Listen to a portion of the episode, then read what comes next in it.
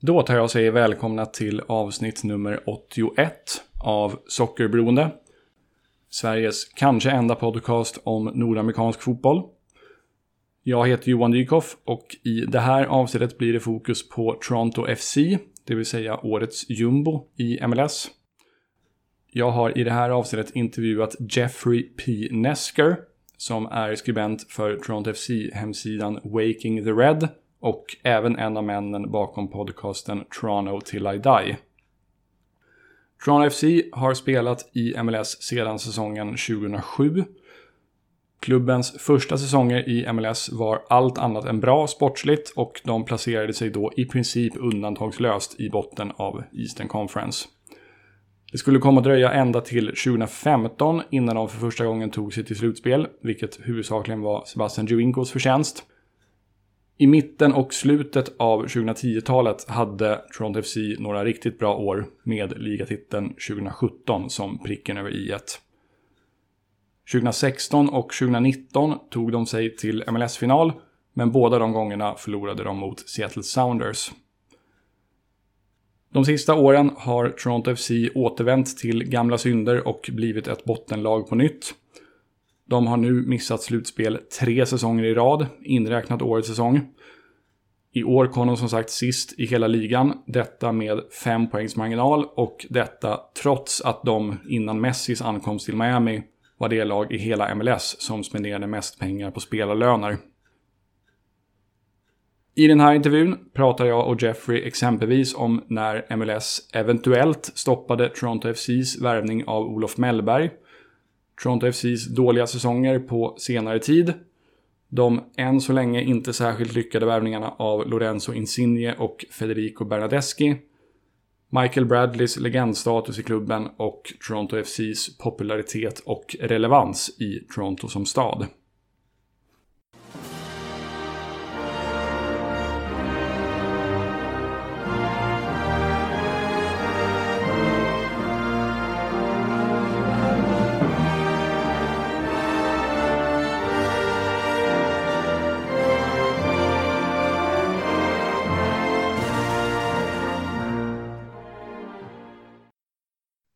Of course, this interview will uh, primarily be about TFC and soccer in, mm-hmm. in, general. But since this is a soccer podcast based in Sweden, I would like to ask you uh, what comes to mind when you hear the words Swedish soccer?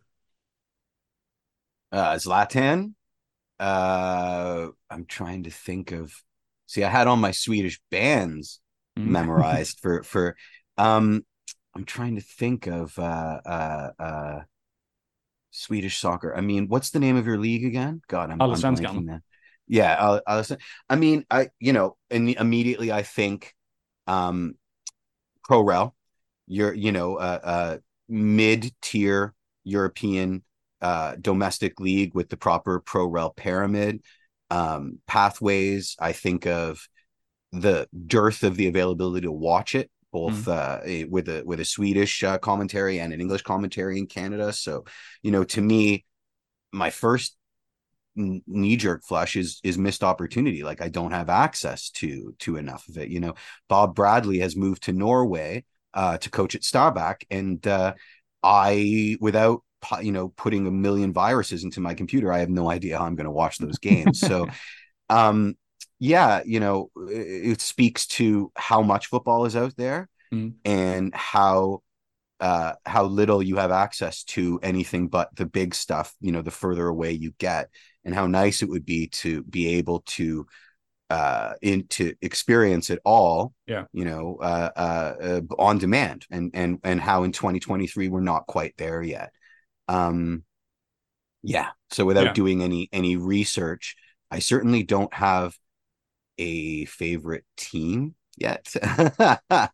And i wish i knew more players that have uh, on on first glance that have moved into you know the the uh, the, the top five tiers in europe. Mm. and i wish i had a, a, better list of of swedish players that have uh, that have come to mls isn't uh no klaus is uh, brazilian. Yeah. Uh, yeah yeah. I'm trying to think of of some swedish players that have uh Anton Tinnerholm is, is, one of the most. Yeah, Anton Tinnerholm, right? But he's hated. He's he's like the he's like the Pepe, uh, the Pepe of uh, of MLS. You know, yeah. he's he's uh, he's he's gotten stuck in on some challenges that have pissed everybody off that isn't NYCFC.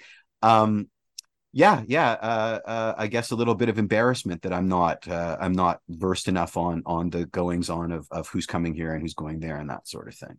Uh, have you been a TFC supporter long enough to remember um, TFC's failed attempt to sign Olof Mellberg, the former? Yes, of course. That's that's uh, that's classic, and and that was uh, that was uh, kiboshed by the league, wasn't it? Yeah, in the yeah. in the yeah yeah, which speaks to um, you know that was that was pulling up the curtain at, at that point to show just how colossally the emperor has no clothes and and you know that uh that you know these players aren't signing contracts with your club they're signing contracts with the league mm. and on occasion the league can step in and uh and and pull shenanigans like that we weren't very happy not mm. let's just say to say the least we were not very happy yeah yeah yeah so for those listeners who don't know uh what happened was that Olof Mellberg, he was a free agent after uh, having left Olympiacos, I think, in Greece. Uh, his mm-hmm. Contract there had expired. And he allegedly signed for TFC as a designated player in the summer of 2012. Yep. But MLS like stopped that transfer from happening because they didn't feel it was like justifiable to sign a player like him on a designated player deal, or at least that mm-hmm. was that's what TFC claimed happened. Don Garber hasn't has denied it. I think he said like TFC withdrew the offer or something. But yeah, I, I don't know what actually happened. Just but, a big old mess. Just yeah, a big old mess. yeah, mess yeah, for sure. Yeah. um, moving on, I would like listeners to get to know mm. you a little bit as well. Uh, may I ask you how sure. old how old you are and where you were born and raised? well, a lady never tells. Mm-hmm. Um, but I'm born and raised in. Uh, I'm old. Uh, let's let's just put it that way. Um, born and raised in in northern Toronto. So you know, like like Stockholm, Toronto is a massive, massive uh, uh, megapolis that is just growing by leaps and bounds and swallowing up the surrounding areas around it. So I grew up about 45 minutes as the crow flies from for a 45 minute drive from from downtown Toronto. Mm. You know, like like most uh most people in my generation uh you know immediately moved down into the city to to be where the heat is.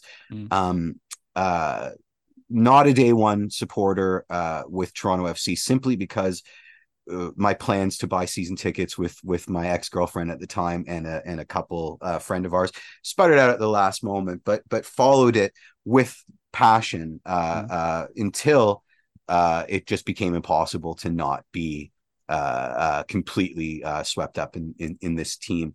Uh, and then uh, you know uh, took a took a flyer and and and uh, submitted myself as a as an occasional writer for for Waking the Red, which at mm. the time was under uh, SB Nation, and uh, started that in 2018, which was the season after uh, we won the the treble, and a horrible season. I mean, we mm-hmm. came within penalty kicks of.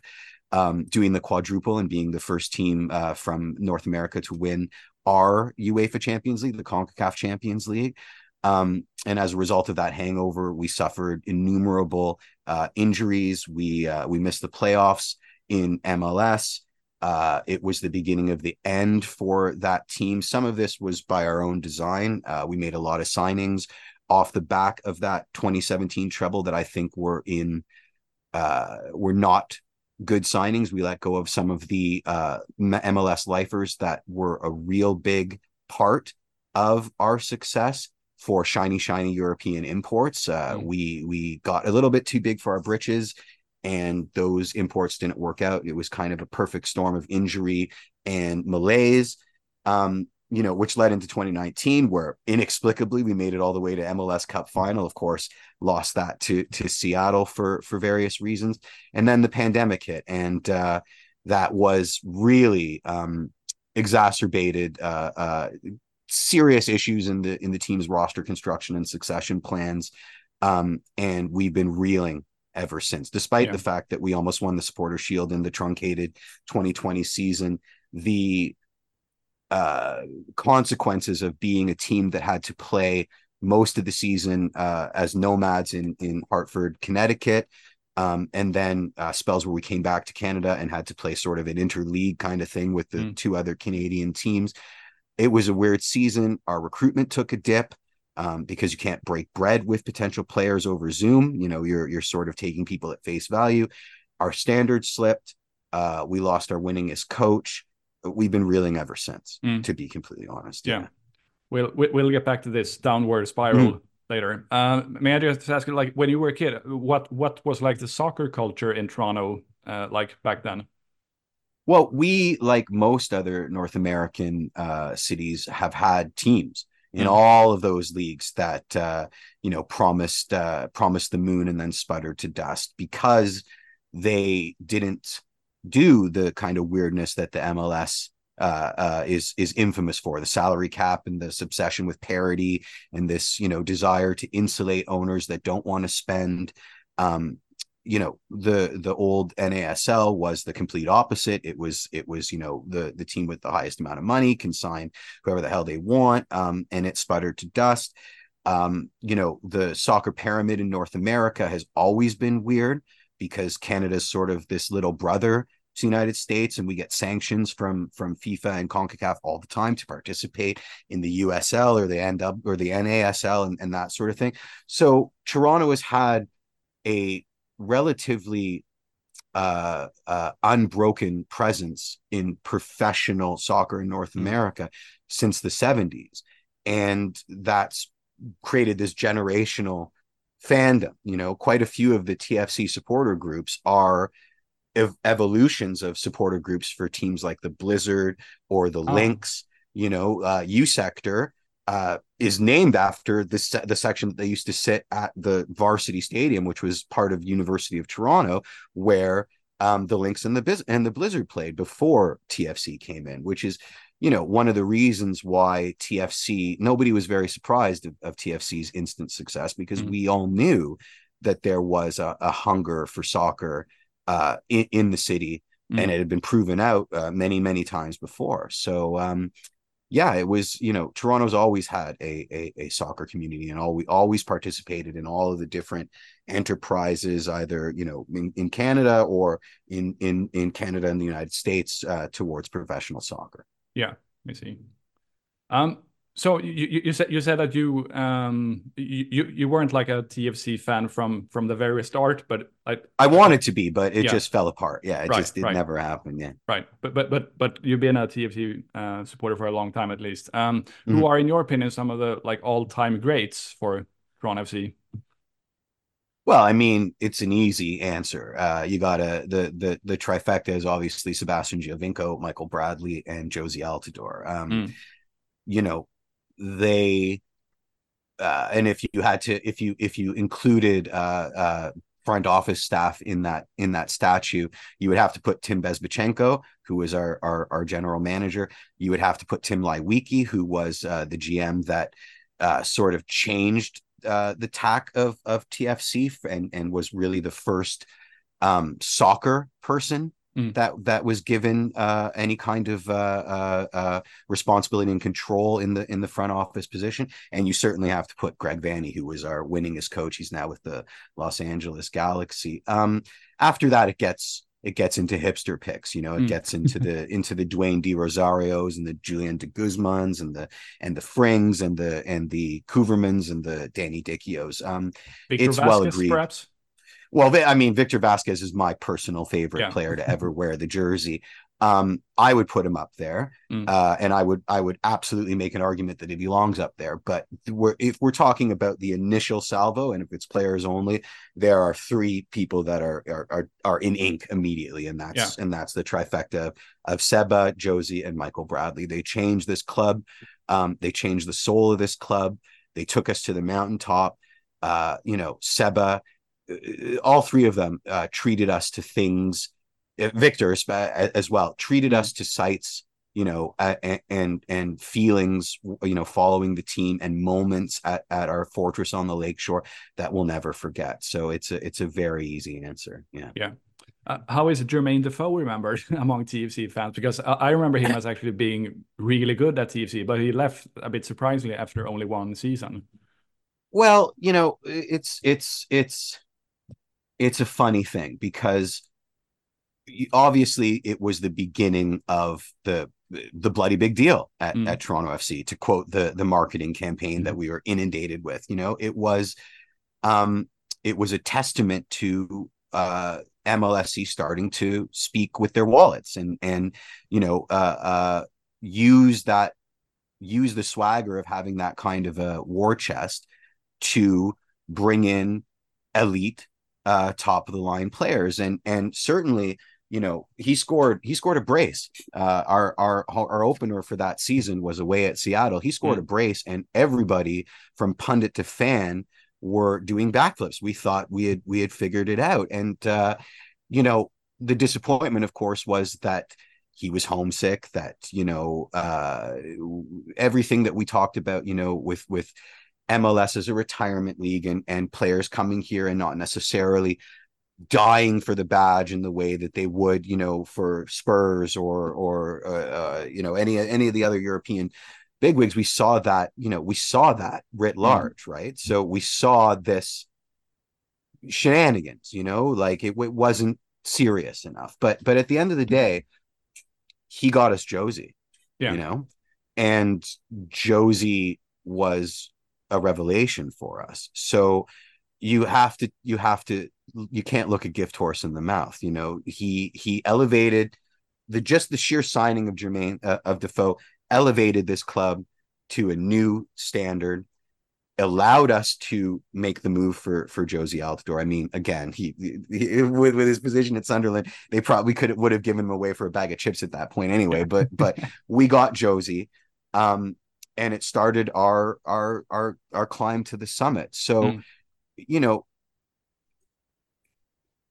know and and you have to look at it through the context that you know MLS in 2014 is a was a very different animal than MLS in 2023 or even MLS in in 2017 our league is growing exponentially year over year um you know at a pace that is frankly a little bit scary because mm. decisions get made unilaterally that are often wrong but they're made very very quickly and with with um you know it's it's a freight train going right now and um that was the beginning of it. So, you know, you look you look back on on that 2014 team, uh, and you see the beginnings of very few people include 2014 in the glory years. They usually start at 2015, which yeah. is you know when when everything started to click. We make the playoffs. Montreal atomizes us in the first round. And, and, you know, we use that as fuel towards 2016, losing MLS Cup in 2016 on penalties to a team that didn't register a single shot on net,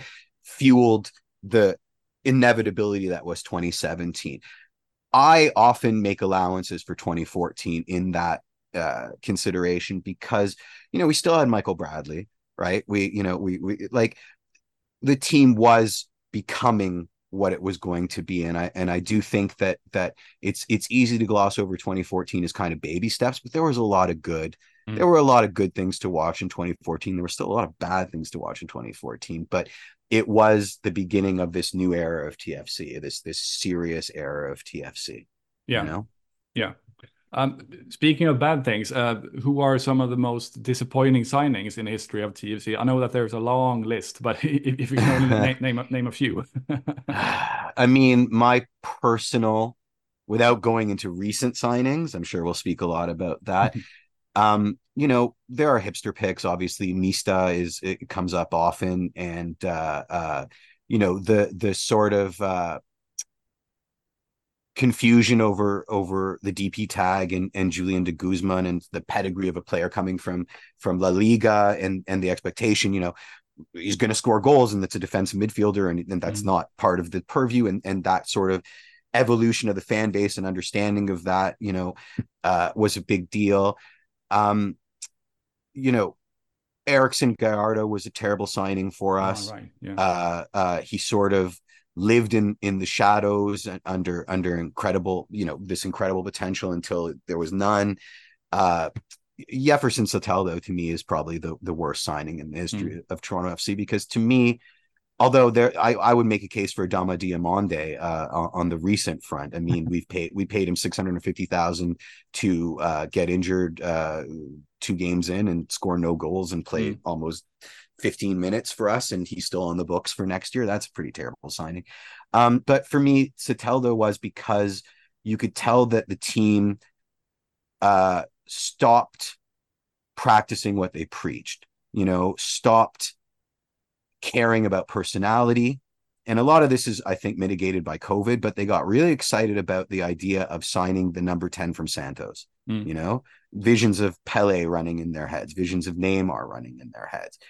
And that s- seemed to supersede, you know, reports of uh, insubordination, reports that you know this guy wasn't a team player, et cetera, et cetera. That and we saw that immediately, you know. And and here's a guy that was just like oil, oil and and water in in the locker room, and mm. it was our fault because our ambition, our our eagerness superseded our desire to you know figure out if this if this personality could work. And and certainly you saw that with Gregory van der Wiel you saw that with with Aketxe some of the signings that we made off the back of the of the of the treble um but not to the level of Soteldo. And I and I do think that that really cha- like that just changed everything you know? Once once you're spending big money on on players that you sort of haven't vetted um it becomes easier to do it again. And it yeah. it, it, started us down a, a pretty dark path um, with respect to to signings. And so for mm me, that that that's that's the one. Yeah. Personally. And he was let let go after only one year, right? Yeah, uh, he was traded for a for a DP center back.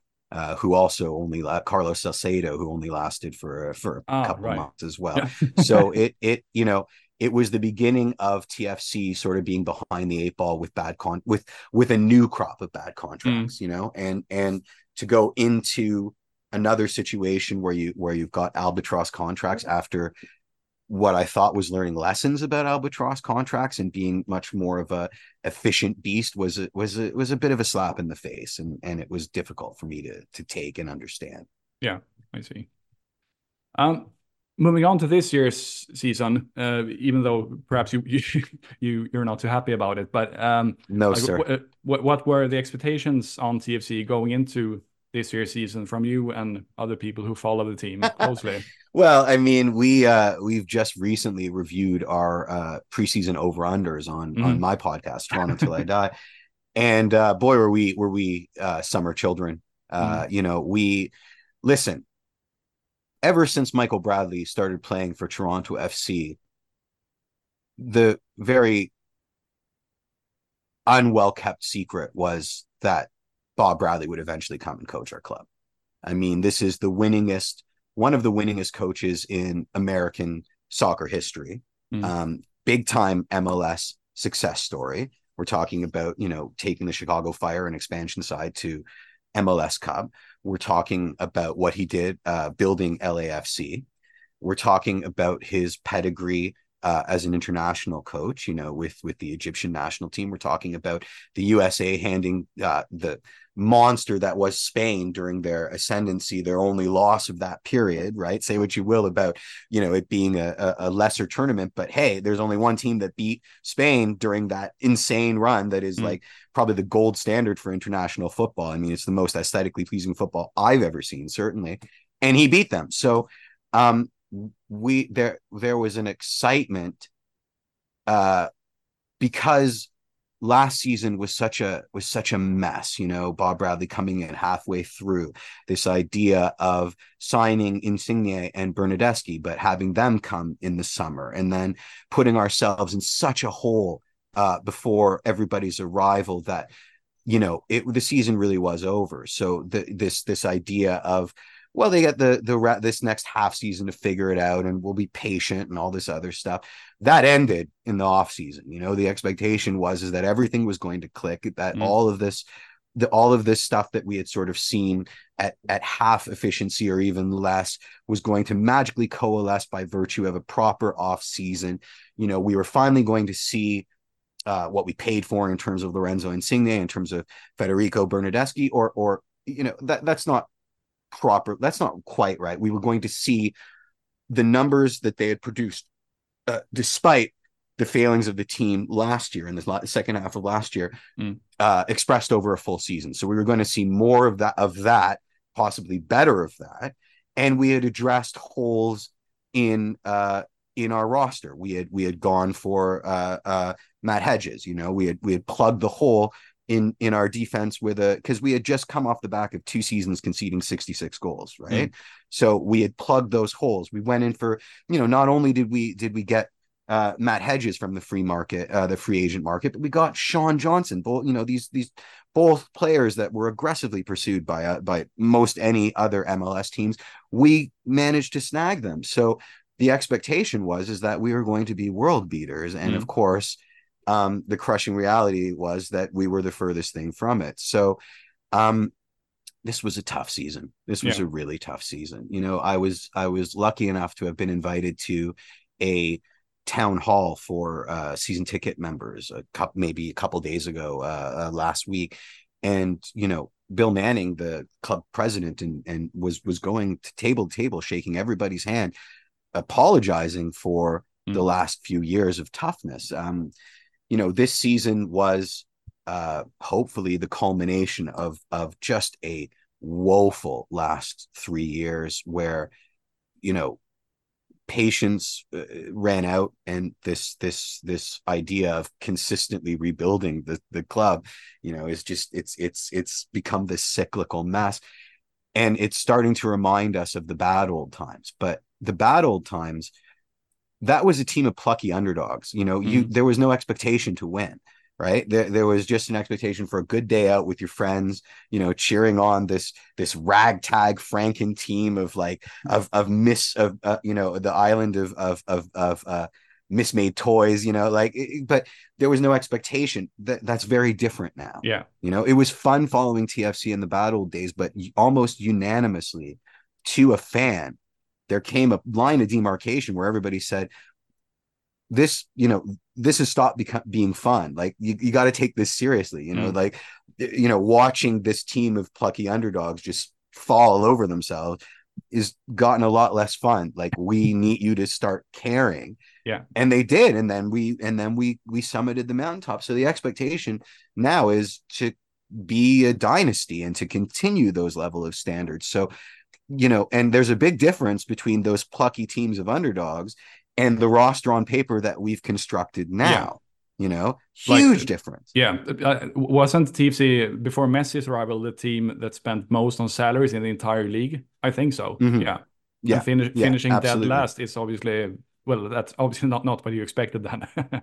exactly, exactly. So there's no excuse. There's far less of an excuse for what we've seen with our own eyes uh, mm. the eye test, as as we put it, and what the the statistics bear out. There's there's far less of a um, acceptance of you know this fun team of of of misshaped, misshaped toys.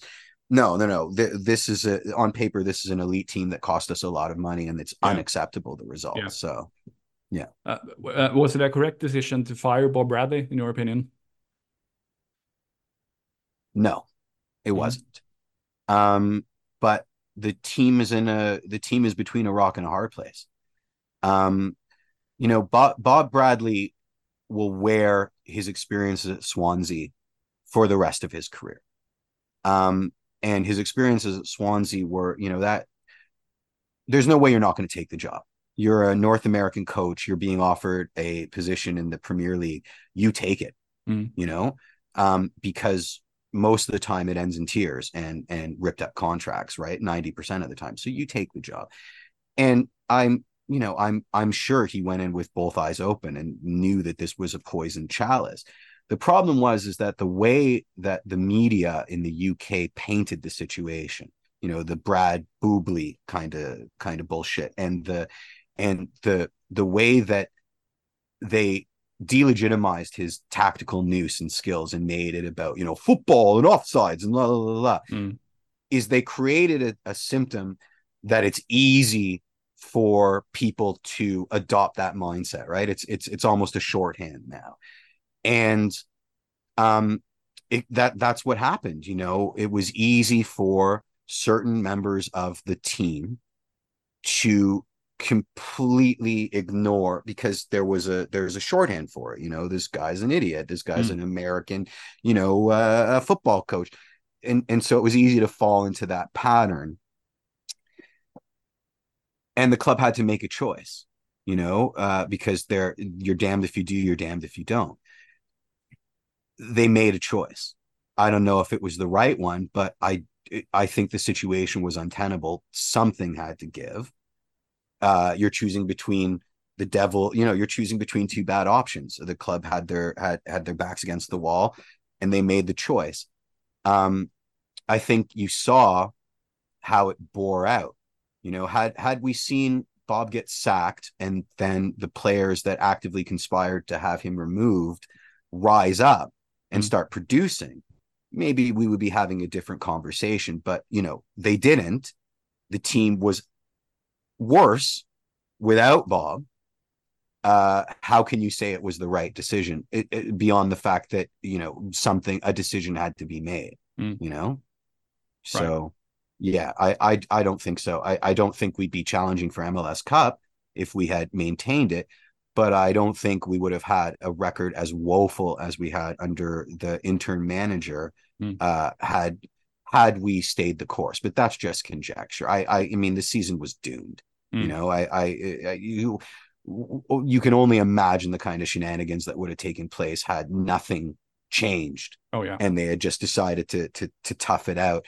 You know, uh, I I don't think TFC would have been doing press conferences because of the fear that somebody would say something incendiary, either a player or a coach. So, mm. you know, something had to change. Um, but it, it it is a bit of sour grapes. I mean, the unceremonious dunking of of Bob Bradley, and then the the sort of um, uh, trickle down effect to how it affected our relationship with Michael, who is the single most important player to ever play for TFC and the the heart and soul of this club at its at its zenith, mm. um, is is is really really distasteful. I mean, this club has a nasty nasty habit in terms of of how we end our relationship with club legends, and this is just yet another example of it.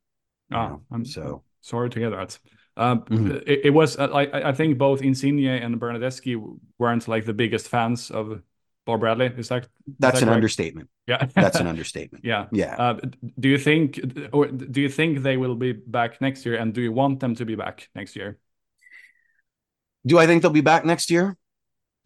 Probably um uh you know what's happening right now is the usual uh you know uh frothy mousse of speculation that happens in in Europe and where you know countries have like Italy have to support three or four national newspapers that are entirely devoted to the to Calcio. So they've got to find a way to fill their pages in some respect. But why they're staying is very very cynical and it's all about the Kablinki it's mm. got nothing to do with the football. Um, you know, we we overpaid for both.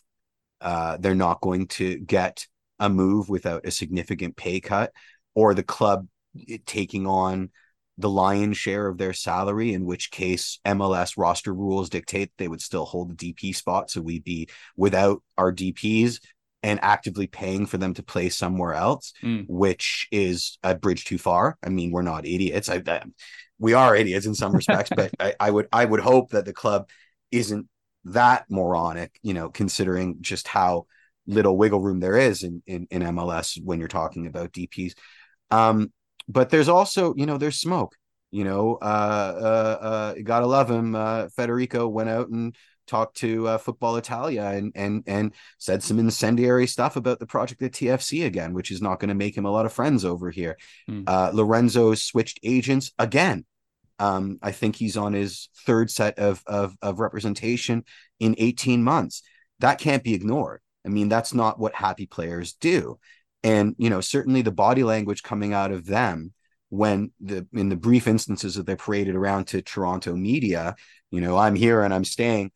It doesn't it doesn't feel genuine, mm. you know. Um, and again, you know, what's the club going to do? I often um, have advocated on my show that at this point doesn't you know this this the, these sort of platitudes in the post match press conferences these these like empty statements about well did you see Lorenzo track back you know good for him here's his here's his cookie kind of thing when it was the one time he tracked back in a match where you know he was he was strolling around the pitch like completely disinterested does nobody any favors and I'm always countered by my co-host, well, what do you expect TFC to do? If they go out in a press conference and say that, that these two players are shit, they tank their value. And then, you know, we're we're stuck with them in a way that's above and beyond what we're discussing right now. So, yeah. you know, the club has to toe this line, right? They have to you know present this kumbaya everybody's happy kind of thing and then are consistently contradicted by you know these these guys shooting their mouths off in in, in foreign press or to anybody that would listen about you mm. know it's the wrong project and here's my new agent and what does that mean? kind of thing. So it's just it's it's exhausting but i don't have i don't have an answer for it. The club can't come out and and and tank their value if they hope to recoup any kind of their losses at this mm. point. So yeah yeah, the short answer is I think they'll be back. The long answer is it's for all the wrong reasons. And mm. you, you know, you can't anybody there's this common thread that that's running around that I really don't like in, in TFC fandom, and I've I've called it out constantly, which is this idea of you know it's our fault for not surrounding these guys with a with a number nine you know a proper number nine that works for them. It's our fault for hiring bob bradley because he's he's you know he's a north american coach and these guys need a carlo ancelotti kind of thing. Well that's you know that's not mls and you know you your dps for for you know fair or not they have to be difference makers you know and to the it speaks to the logic of why are you spending all of your money on two wingers that will only play in a in a 3-4-3 you know in a in a in a league that's not really as tactically sophisticated? Was that an error? Was that the thesis of that whole move in error in the first place right? Mm. like maybe a number 9 is a better you know a, a, a, a, target to spend your money than than two wingers that are limited in terms of their systems. And and quite honestly you know you look at their careers in Napoli and at, at Juventus they were never the guy you know? Bernardeschi was never the guy. Insigne mm-hmm. was never really the guy. They are players that work well with other players in in, in established systems. They've never been the guy. Um yeah yeah i don't i don't i'm, yeah. I'm not sure where i went with that and, and if i got it went right off the reservation in terms of the question but yeah oh, I see. Yeah. you know would would, yeah. would you personally like to see uh, Toronto FC trying something different with their signings uh, going forward, like moving away from this from these like uh, big name European signings? It's tough because you know Seba, Seba. If you look at Seba and Federico Bernardeschi, in terms of their Juve Turin experience, they're very, very similar. Yeah. Right. Uh, uh, you know, they both couldn't crack the first team. They were both getting most of their minutes in, you know, uh, uh, um, uh, Italian uh, cup matches or European cup matches. They weren't, you know, they weren't playing in in Serie A too often. Uh, they both had huge chips on their shoulders. Mm-hmm. You know, uh, in the case of Sebastian Giovinco, it worked out perfectly. You know, we we we brought him in, we made him the guy, and and he had he he could he could step up and be the guy. You know, um, so it's hard to fault pursuing Bernardeschi on the basis of you know Toronto has a gigantic Italian population, a huge Italian population, mm. and so um, considering that TFC were already with their backs against the wall ahead of Bernardeschi's signing, it makes perfect sense to court that fan base. You know, it, it worked before. Um, you, you know, in in both case in both signings, we were crazy excited about Lorenzo Insigne coming to Ch- Toronto FC, and and very few of us were were really worried about how much of a cost outlay it was because we love the fact that that you know MLS gives us the opportunity, unlike certain MLS sides, to flex that muscle. Right. And certainly, you know, it's not just Toronto. If you're an MLS club, like look at what the Chicago Fire played for Shaqiri, right? Look at what mm-hmm. look at what the league had to do to get Messi even interested, right? Like you're going to overpay. So that wasn't really a consideration. And hindsight is always 2020, you know. Um, but we got it wrong here. Mm. Uh, so it will it does it's going to require a reassessment of what we do, and maybe that is you know overpay, but don't lock players into into multi year contracts. You know, maybe uh, maybe it's time to instead of one meeting to establish you know the personality of a person, maybe two. You know, maybe it's time to be a bit less enthusiastic, you know, as, as opposed to please come, please come. Here's all the money and all mm-hmm. of the perks. It's like we're going to pay you a ton of money.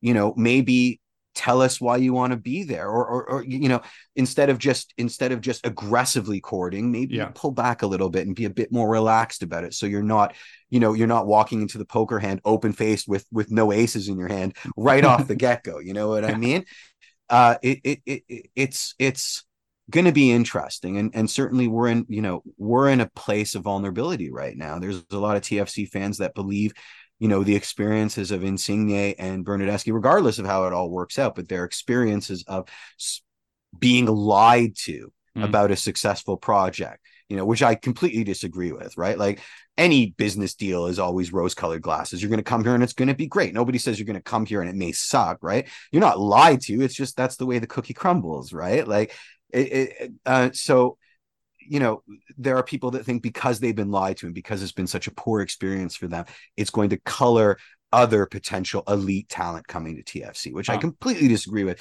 Hmm. Money talks, you know what I mean? Especially when you're going for the over 30 crowd or people that have a certain pedigree in Europe that are ad- advanced in years.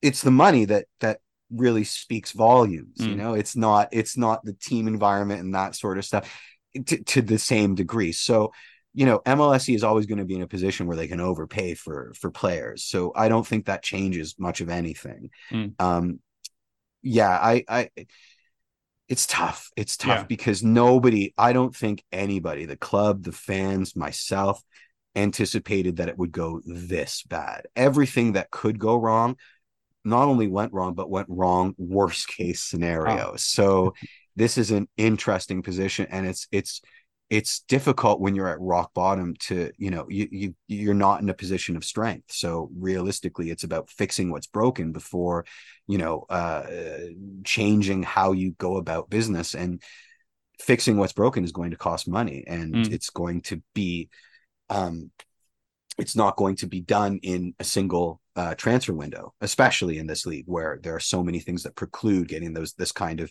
unilateral rebuild done in in a single transfer window. So yeah, yeah buckle up. Mm. I don't think I've ever heard anyone put it so bluntly with uh, about Insigne and Bernardeschi the way you did. Like we, we got mm. this wrong, or it, it's it's gotten even worse that, that we could have imagined. So, but but it makes it makes it even more um, interesting to see where it goes from here. I, I, I think. It does. It does. And and it's it's you know, you have to love this league warts and all, right? You know, it, it MLS the draconian roster rules and the fact that, you know, if you're Inter Miami, you can sign Blaise Matuidi for condos and, and nobody cares until two years later, you know. and this is not to suggest that TFC is is not guilty of shenanigans, right? Like there and there's all and there's also this this idea that you know MLS is the only one that does it. You're seeing in the Prem Everton get docked mm. for one FFP violation, while Man City's what 115 and, and nothing's happened yet.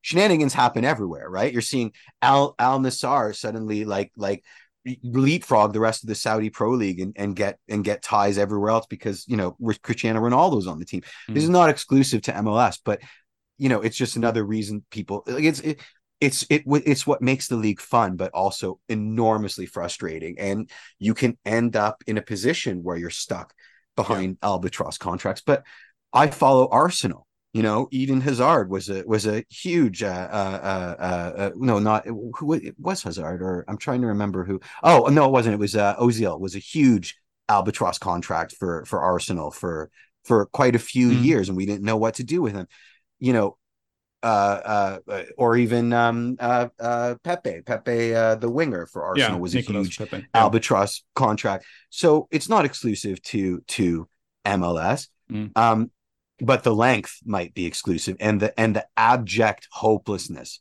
mm. might be exclusive. This this knowledge that like to move these players is going to require an emotional response you know their ego getting hurt the realization that hey italy is back in the euros and maybe if i if i want to participate as a member of that roster i need to get the hell out of dodge which requires me to say goodbye to you know in Insigne's case possibly tens of millions of dollars per, yeah. per year um and that's a fun wrinkle you know but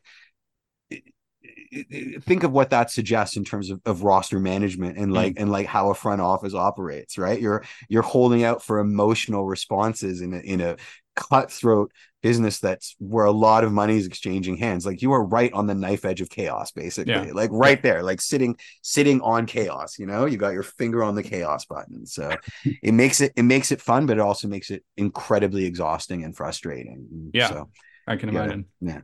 Do you have another like 15 or 20 minutes of course oh, absolutely terrific mm-hmm.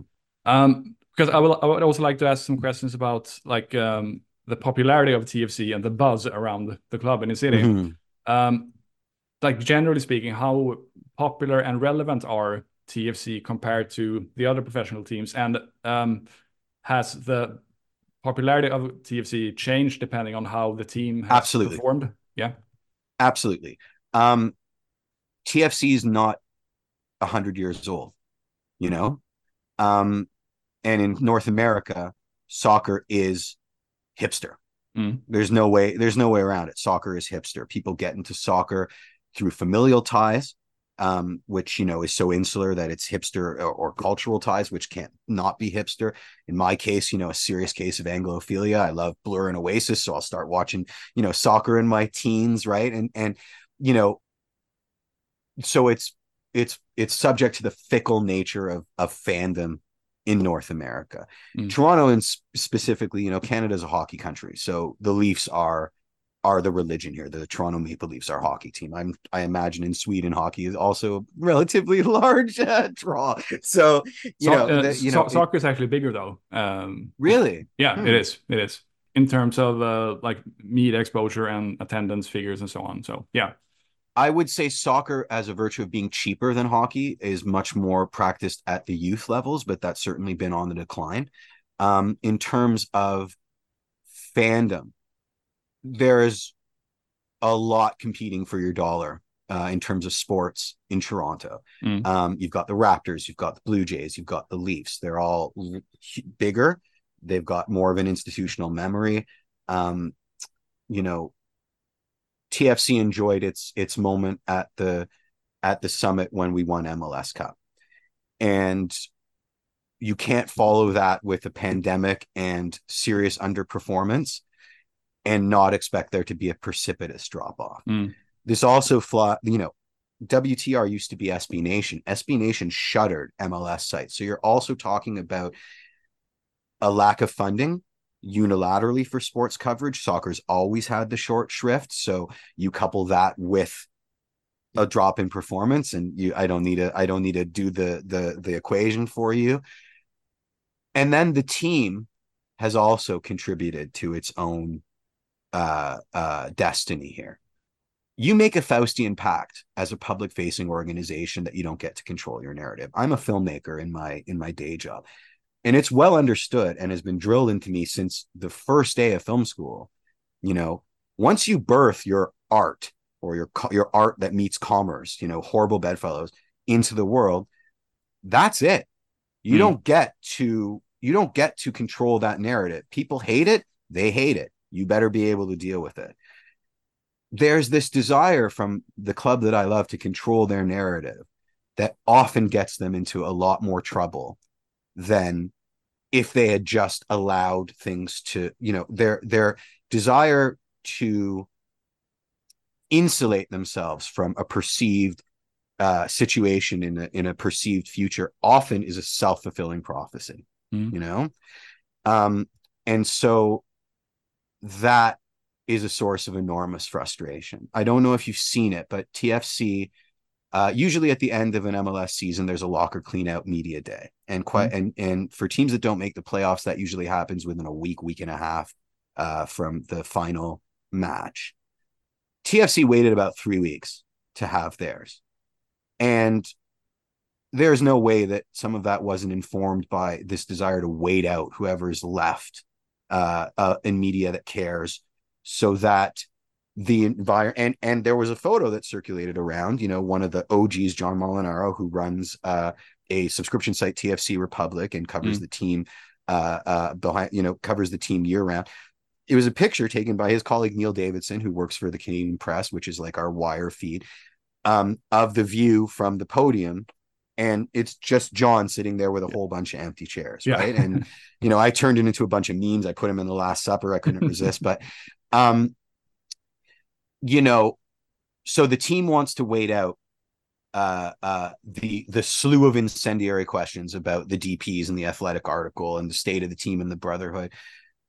And then, you know, they get caught with their pants down by that photo. So what, you know, what's the benefit? Yeah. Right? Like it, this this weird cynical calculus of and to me it's it's such a waste of energy because you cannot control your narrative. You just can't. That's the Faustian pact you've made. So you must you accept that and you move on you know and then you can use that energy towards better uh, outlets than trying to chase your own tail which is Mm. which is essentially what this is at least from my perspective here on my soapbox you know with not a lot of skin in the game um so yeah i find i find that enormously frustrating and and to answer your question that shows you where tfc are right now i mean Huh. one reporter um none of the major newspapers the the sports channel that has the exclusive rights to broadcast TFC games outside of the Apple deal didn't send anybody to cover it. Um, the team is an afterthought right now. It really is. It's an afterthought to MLSE, who also own the Raptors and the Maple Leafs, uh, and it's an afterthought to to the city. You know, to to the the sports, uh, the casual fandom. You know, because th- there's TFC tickets are still not you know they're not there's they're not prohibitively expensive but they're certainly not cheap enough to you know go out and have a few beers and watch the that that woeful level of quality out Mm. there you know what i mean a beer costs 14 15 dollars canadian you know before taxes right so so yeah it the, the team has lost a lot of relevancy Huh. um that can't be understated um but you know the nature of, of a of a fickle population such as Toronto is that winning solves everything. You know, Mm. winning, um, winning is the is is the ultimate fixer. And the thing that irritates a lot of TFC fans, and and the thing that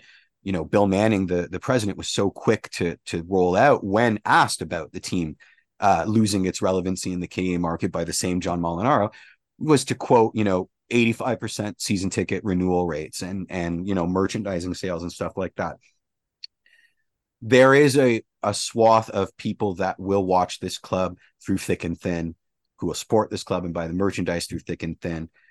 It's a an insulation towards losing like the bottom falling out on the club. Mm. And so we don't like being the the the safety net, you know, because we all demand quality and we're being told, you know, our by our by our purchasing we're sort of contributing to that mediocrity kind of thing, you know? And it's like, well, we want to support our club, but not if it means that, you know, we're the status quo, allowing for big moves to not happen because we're Mhm. insulating the club from, you know, the the bottom falling out. So yeah, yeah, we're we're it, it, I I like to think this is rock bottom. Please, I hope this is. I I sure hope this is rock bottom because Yeah. it is it is it is almost entirely chaos out there right now for Toronto Yeah. FC.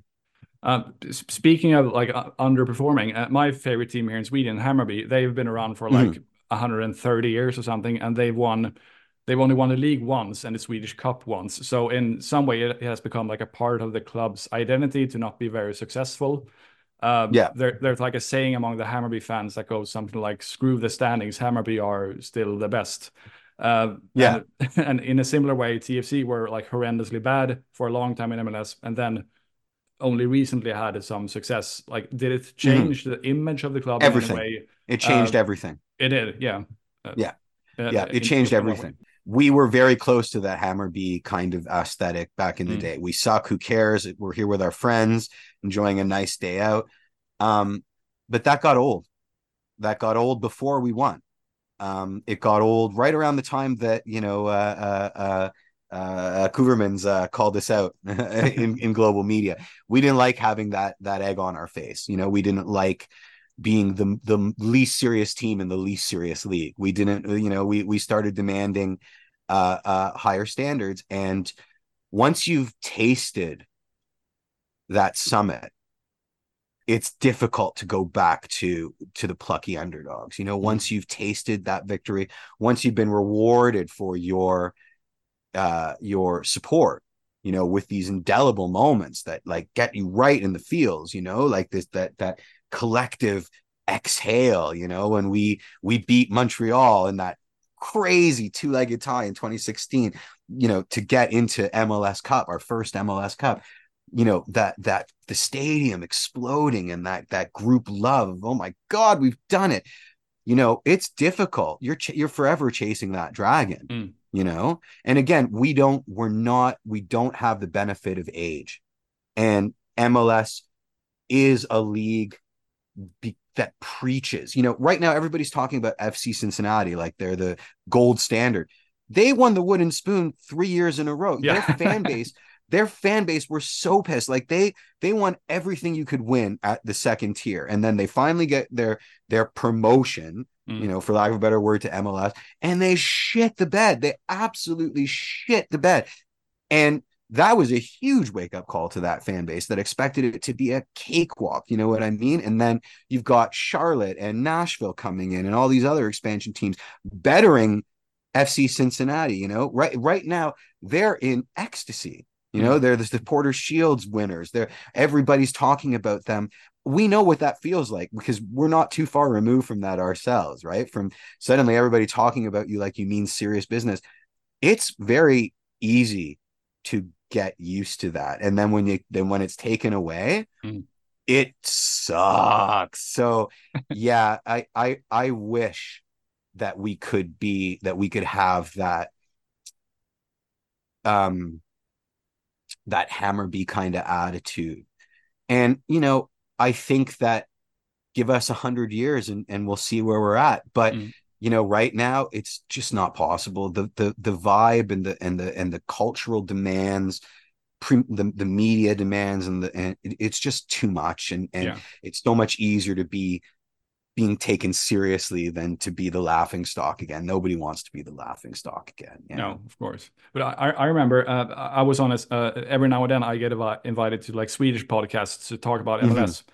And I remember uh, speaking about uh, like how quickly things can change them. Like a, a, horrendously bad team can actually be pretty decent or even very good. Yep. Or ne- next year. Uh, and I I I um, I mentioned FC Cincinnati as an example, uh, but and at that point they were horrendously bad. I think they had just finished dead last for a, a second or third, third year in a row. In a row. Yeah, yeah, yeah. yeah. And, and, but I, I, said something like, well, I don't know, give it a year or two, or may, maybe FC Cincinnati will will be will be great. But I, I yeah, I, I don't think I actually believed it myself. But hey, look look where, where there you go. And and may, maybe exactly. the same thing will happen to TFC. Maybe in two years they'll they'll win MLS Cup. That's the hope. It, it, it, doesn't sound very realistic now, but but I mean, stranger things have happened. Indeed, stranger things have happened. I mean, you know, nobody expected us to go to the to the final in 2019. Nobody, mm. myself included. It was oh. it made no sense, and then there we were.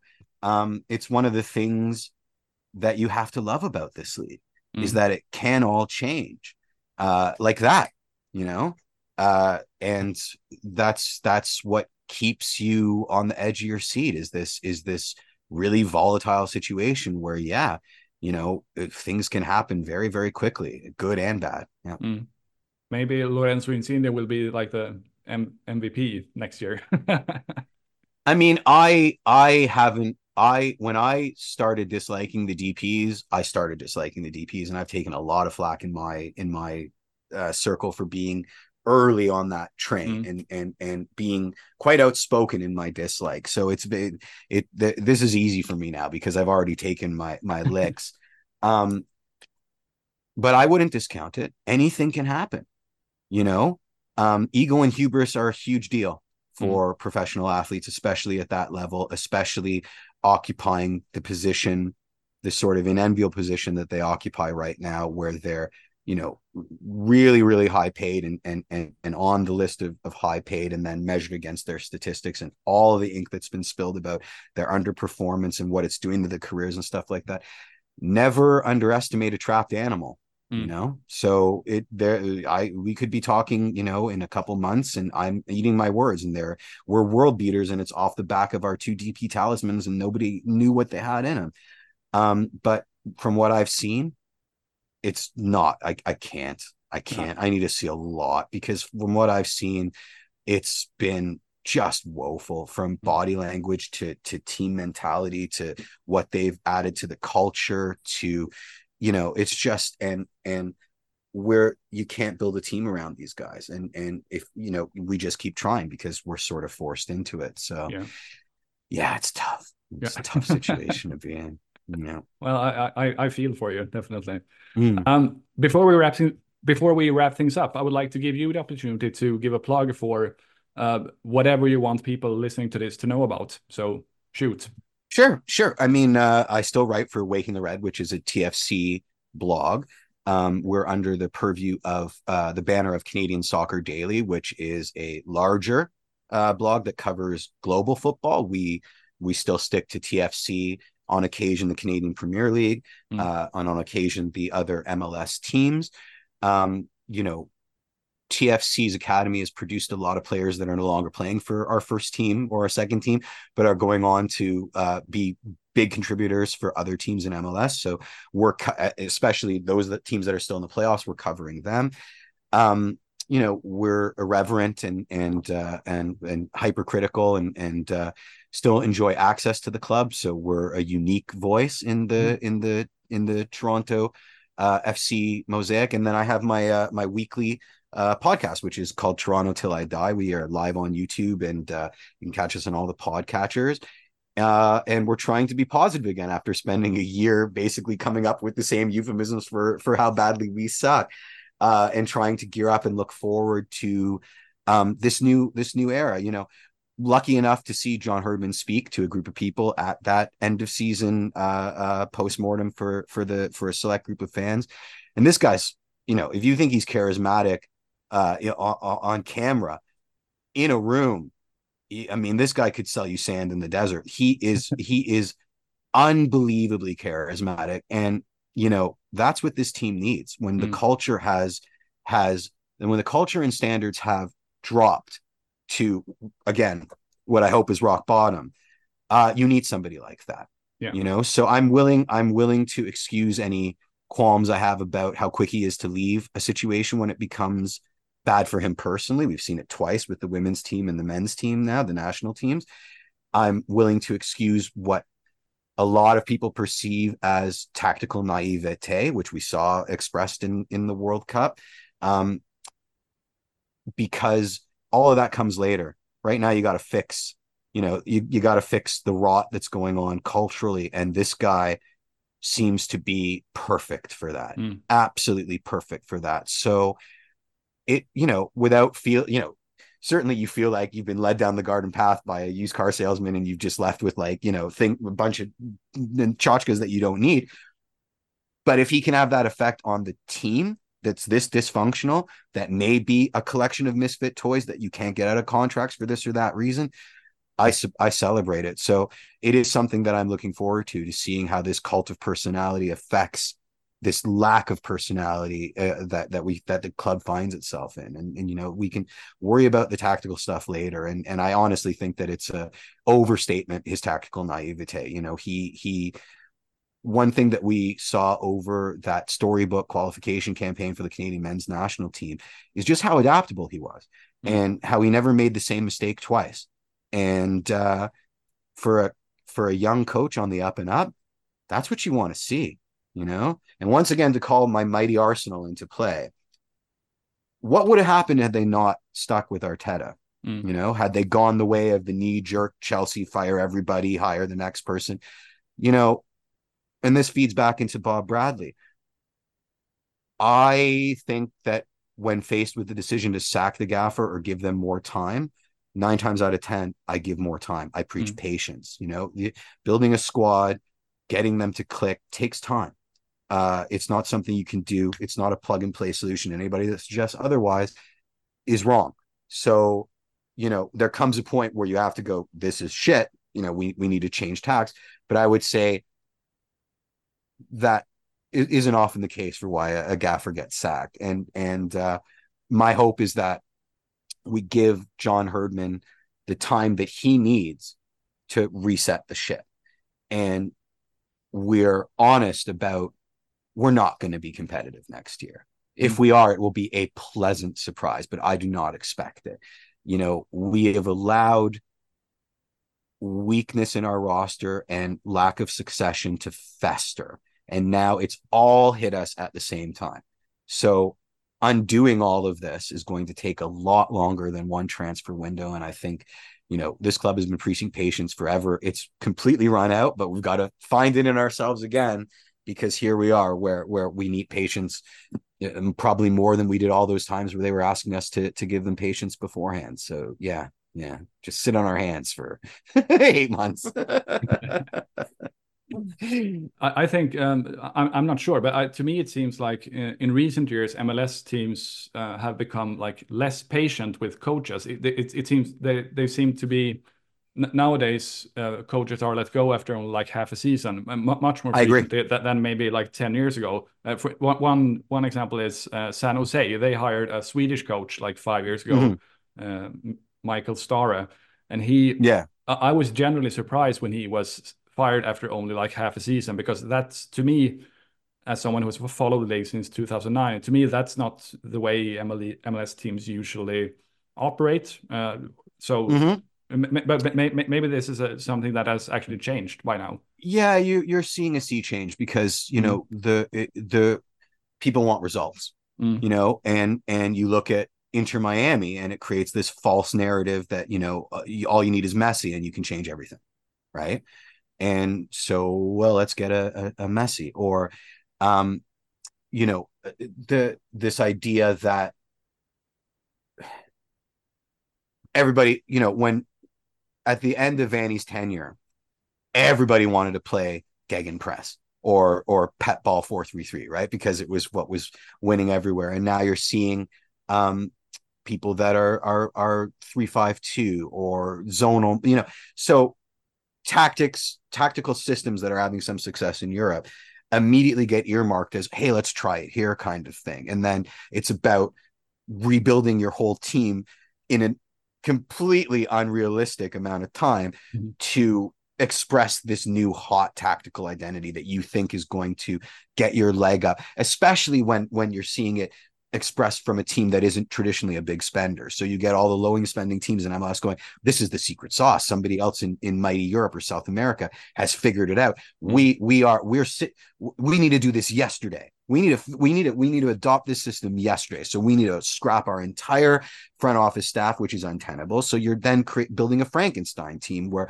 you've got a coach that espouses this perspective, but a medical staff that can't handle the workload. Mm. You know, a, an analytic staff that has never dealt with this these kind of training sessions, so they're not looking at what could precipitate injuries, and then the whole thing comes off the apple cart. And then, of course, it's such a disaster that they have to rebuild again, right? Yeah. So ambition is then measured by a kind of mea culpa rehire, and then you're on this terrible path where you're expecting results instantaneously. The other thing that's happening in MLS is the coaching carousel that you see in the European leagues where you know uh, uh, uh, Sam Allardyce gets hired over and over again. The mm. Warnock, you know, jumps from club to club to club. You're seeing that with the Chris Armases, with the with the Giovanni Savareses, you know, with the Ben Olsens, with the Hernán Losada, who like when he left DC, they were like, get the hell out of town. And then Montreal hires him, and of course he doesn't last a year because none of his players can eat anything beyond like a like one bite of boiled chicken for the entire season, right? Um, so you're you're seeing it's very interesting. You're seeing an acceleration of some of the weirdness that's going on in, in global soccer in this MLS microcosm. And it doesn't make any sense, but you know, MLS very quite often doesn't make any sense. So mm. why should this make any sense?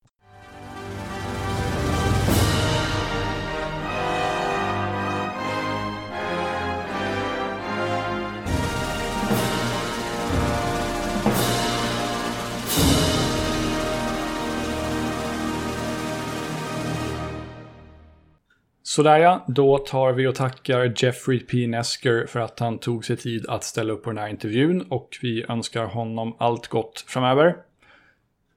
Rolig och pratglad kille måste jag säga, även om han inte var alltför positiv kring sakers tillstånd i Toronto FC. Eh, vi får väl se om nästa säsong blir roligare för Toronto FC-fansen. Det är ju nästan svårt att se hur det skulle kunna bli sämre härifrån. Tack så mycket för att du har lyssnat. Ta hand om er så hörs vi igen i kommande avsnitt av Sockerberoende. Ha det så bra. Tja tja.